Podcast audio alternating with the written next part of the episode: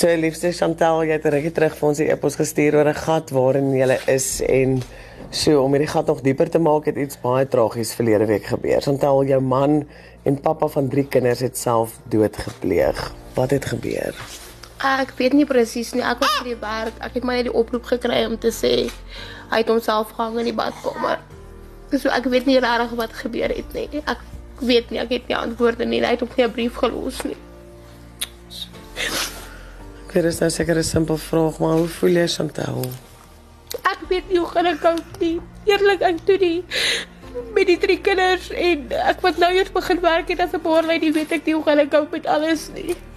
Want ek kry R22 'n uur en ek werk op Timsbos. So ek weet nie hoe gaan ek alles dek nie. Sure. En uh, hoe voel jy oor jou man? Jou hart ja, is jou hart seer vlees skuldig? Het jy verwyte of het jy vrede? Ek is kwaad vir hom. Eerlik, ek is kwaad vir hom want ek weet nie hoekom hy dit gedoen het nie. Ek sal like om te weet hoekom hy dit gedoen het. As hy maar net dalk 'n brief gelos het en gesê het hoekom hy dit gedoen het, sou ek dalk nie so gevoel het soos ek nou gevoel het nie. So Chantal en ek weet julle was voor dit in 'n gat. Vertel ons van die gat waarin julle beland het. Ehm um, ek het my werk verloor en hy het nie baie gepyn nie. So dis dit ons in die situasie dat ons nie regtig kos goed vir ons kinders kon koop nie en boonop dit het my man se sussie wat 15 is ook vir ons gebly en met my man se dood het sy nou getrek. Maar dit ons nie ook geweet wat se kant toe nie. Ek het maar my familie trooi staat maak om ons te help soos wat hulle kon. Hey, hey. Chantal se man was die enigste broodwinner met 'n salaris van R5800 per maand en net julle hier is R3500 per maand. Jy het ook intussen werk gekry. Hoe voel jou hart met die hede en die vooruitsigte wat vol uitdagings lê? Ek weet nie. Eerlikwaar, ek weet nie. Ek my familie bly vir my sê bid en alles sal regkom en my pa bly vir my sê my kind staan net sterk vir jou kinders. Maar niemand dink hoe dit actually voel om sterk te staan vir jou kinders as jy self nie weet wat môre gaan bring nie. Soos nou, ek weet nie wat ek môre vir die kinders gaan gee nie, wat ek vir hulle gaan sê nie. So sy bly my vra, ehm um, mamma, waar's pappa? Ek het nie antwoorde vir haar nie. Ek het nie. So eerlikwaar, ek het nie ek sien nie uit na môre toe nie. Liewe Chantal, ons kan sien jy is so so, so lief vir jou kinders. Ehm um, wat is jou grootste wens? Nie net vir hulle nie, maar vir jou ook. Wel, vir haar, ek wil net vir haar brille kry. Maak jy ook. Ehm ek wil net vir haar brilletjies kry dat haar oë beter kan raak en ek wil net vir my kinders actually 'n toekoms kan gee. Want op die oomblik weet ek nie hoe ek dit hulle kan nie. Ek is nie net gepla oor myself nie. My kinders is die oomblik my grootste uitdaging. En daagliks vind ek dit moeilik met Diamond want hy's 'n verskriklike moeilik moeilike baba. Hy's baie besig. En dan met die juffrou wat kort kort in die hospitaal beland met haar immuunstelsel, weet ek nie so eerlikwaar ek worry nie oor myself nie, net my kinders waaroor ek worry. Mm. Liefste Chantal, ek weet daar is 'n magte om bekommernisse, maar wat is van die grootste bekommernisse wat jy waarmee jy wakker word elke oggend? Kos vir die kinders, my huur wat betaal moet word en bra moet dit gewoonlik betaal. Ehm um, daar brille. Dis my grootste bekommernis op die oomblik is die huur, brille en kos vir my kinders. Ek sal 'n wyf vind om hulle skool self te betaal, maar ja, dis grootste bekommernis op die oomblik. Sy liefste Chantel, jy het drie pragtige dogters en jou man het selfdood gepleeg verlede week. Janike is 4 jaar oud en is sy wat die bril kort.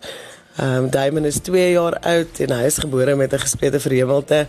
Ehm um, hy lyk pragtig na prosedures en operasies en Emily is nou 1. Chantal, wat is tans in julle koskaste?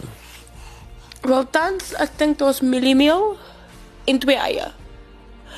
Ehm um, my ma is tans by my om seker te maak dat die kinders se goeders eet. So ja, daar is tans nie veel in my koskaste nie. As dit nie vir my ma was wat help en die tannie wat op nommer 13 bly tannie Manet nie.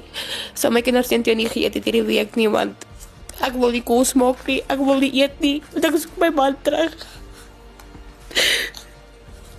So ons weet jou man word veras by Steve Biko met behulp van 'n uh, begrafnisondernemer. Ehm uh, maar dat sy roudiens ook nog voor lê. Ehm um, is daar vir 'n roudiens Chantel? Nee, daar is nie, want daar is nie finansies om hom te kan gee nie. Ehm um, ons het daarom die spo- sy pa daarom gesê sal help met die befassing te betaal, maar daar is nie geld vir 'n roudiens vir hom nie. So ek kan nie iets vir hom spesiaal doen vir dit nie, want ek het self nie die finansies nie en hy het nie polisse gehad nie.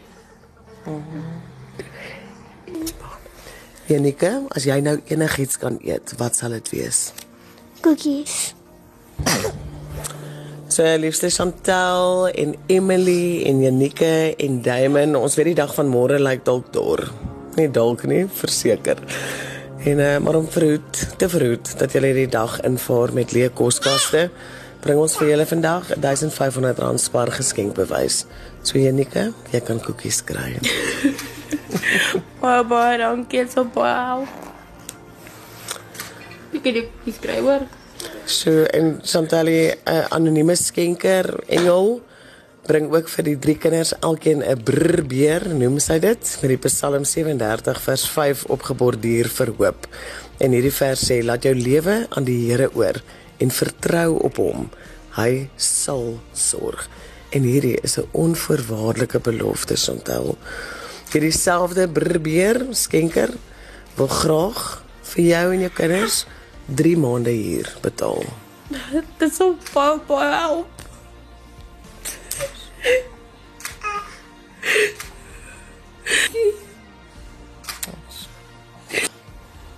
En dan geliefde Chantal, ons weet jy wil eintlik so graag vrede hê in jou hart oor jou man wat selfdood gepleeg het en dat daar nie nou finansies of polis of enige manier is hoe jy vir hom 'n roudiens kan hou nie.